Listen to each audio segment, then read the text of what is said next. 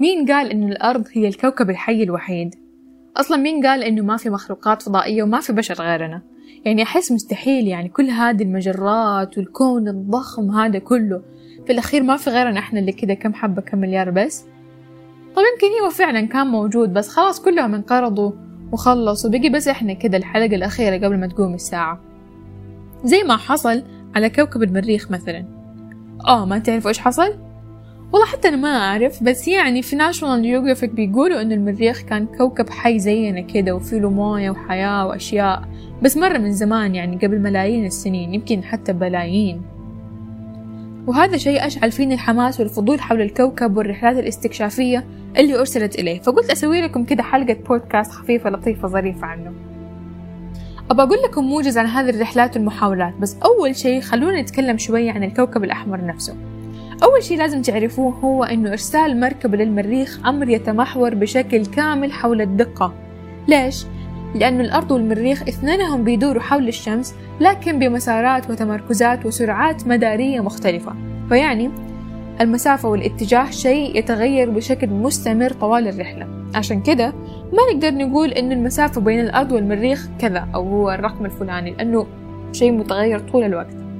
ولما يرسلوا مركبات فضائية باتجاه المريخ ما بيرسلوها باتجاه الكوكب نفسه لأنه هذا شيء يستهلك وقت ووقود مرة كتير اللي بيسووه إنهم بيرسلوا المركبة لنقطة يتوقعوا أن المريخ سيصل لها عبال ما المركبة توصل للنقطة دي. يعني كأنها نقطة التقاء ما بين المريخ والمركبة الفضائية. والرحلات تستغرق ما بين 128 إلى 333 يوم. على فكرة دائما لما أتخيل النظام الشمسي كذا أتخيل كائن فضائي ضخم كذا مرة كبير جالس فوق الشمس كذا مرة كبير. طيب وعنده ثمانية أيادي كل يد ماسكة كوكب وكي تلفلف حول الشمس. طيب بالنسبة للرحلات يعني أكيد مهما تكلمنا ما نقدر نوصف حجم الجهد المبذول عشان يوصل العالم للكم المعرفي اللي قدر يوصلوا اليوم حول هذا الكوكب. وفي حلقة بودكاست مدتها أقل من عشر دقائق مستحيل أقول لكم كل الرحلات وكل التفاصيل حول هذا الكوكب والرحلات المتجهة إليه. لكن بشكل موجز أقدر أختصر لكم أبرز الأحداث اللي صارت. بدأ الفضول حول هذا الكوكب منذ ستينات القرن الماضي وأول رحلة كانت عام 1965 هذه الرحلة ما فشلت بس يعني ما نجحت. اللي صار إنه المركبة ما قدرت تهبط على المريخ لكن مرت بجانبه بمسافة قريبة قدرها 9650 كيلومتر وقدرت إنها تلتقط صور مقربة للكوكب الأحمر. وهذه كانت أول مرة يلتقطوا صور مقربة عن هذا الكوكب. شفتوا إحنا كيف قبل فترة لما أول مرة ياخذوا صور للثقب الأسود كيف كلنا فرحنا وها وانبسطنا كلنا كذا وإحنا ما لنا دخل؟ بالضبط كذا كان الوضع عام 1965 مع كوكب المريخ. وعام 1969 برضو أرسلت مركبتين وبرضو صار نفس الشيء. لكن هذه المرة كان أقرب من المرة اللي فاتت بمسافة تقدر بأربع آلاف كيلومتر فقط. تعتبر مسافة قريبة جدا جدا. هذه المرة المركبة قدرت تاخذ معلومات حول سطح وجو المريخ. وجس وات ما كان في ولا أي مخلوقات فضائية ولا كان عليه حياة أصلا. عام 1961 كان أول هبوط ناجح على كوكب المريخ. لكن مع الأسف ومع الأسف ومع الأسف استمر لمدة 20 ثانية فقط وخرب السيستم. يعني يعني أو من قاعد تخيل شكل الناس اللي اشتغلوا عليه يعني كذا بدأوا يبنوا مركبة فضائية عشان يرسلوها المريخ وبعدين استنوه إلين ما يوصل وبعدين هبطوا. هاي هبط بنجاح وفرحوا. مدري إيش بالأخير. يا فرحة ما تمتش وفي عام 1973 كان أول هبوط ناجح ومستمر على كوكب المريخ.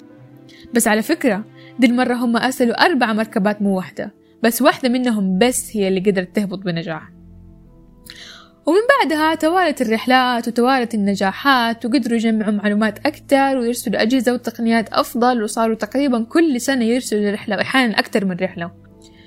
ودحين وأنتم جالسين تسمعوا هذا البودكاست في رحلة الآن متجهة للمريخ أرسلتها وكالة ناسا الأمريكية ومتوقع وصولها في 18 فبراير 2021 مرسلين فيها روفرز وهاليكوبترز وأشياء كده مرة رهيبة. عموما أنا من فريق اللي يؤمنوا بوجود كواكب أخرى صالحة للعيش ووجود مخلوقات خارج الأرض. ممكن ما تكون زي اللي يصورها الأفلام الأمريكية لكن على الأقل تكون مخلوقات وحيدة الخلية أو مثلا تكون بكتيريا أو أي شكل من أشكال المخلوقات الحية يعني. وقبل فترة قرأت تغريدة في تويتر تقول إنكار وجود كائنات فضائية يشبه أخذ ملعقة ماء من المحيط والقول أنه لا يوجد قرش في المحيط لأنه لا يوجد أي منها في هذه الملعقة. وحقيقي يعني إحنا مع كمية العلم اللي عندنا إحنا لسه ما نعرف ولا أي شيء. والكون already في توسع يعني ويمكن في كون ثاني غير اللي إحنا عايشين فيه كون كامل بمجراته وعالمه وال system حقه وكل شيء مختلف عننا. ويمكن في كواكب تانية يعيش عليها بشر مثلنا. يمكن متطورين أكثر مننا بمليون مرة ويمكن لسه عندهم ديناصورات يمكن هم النباتات عندهم متوحشة ومستولية على عالمهم وتتغذى على البشر اللي عندهم. ويمكن لونها مو أخضر. ويمكن هم عايشين بسلام وسكينة وكلهم يحبوا بعض ونظيفين ولطيفين وخفيفين وكل شيء.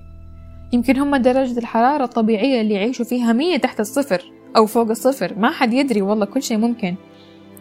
وسبحان الله الجهل عند البعض يشعل عندهم جانب الفضول والعطش لمعرفة الأسرار والخبايا. زي مثلا لأنه فعلا فعلا الموضوع مثير للاهتمام. إذا الواحد كده جلس نفس جلسة حقين هل نحن وحدنا؟ وجلس يفكر معاهم. وصلنا لهذا البودكاست كان معكم نوال. شكرا على وقتكم ودمتم سالمين.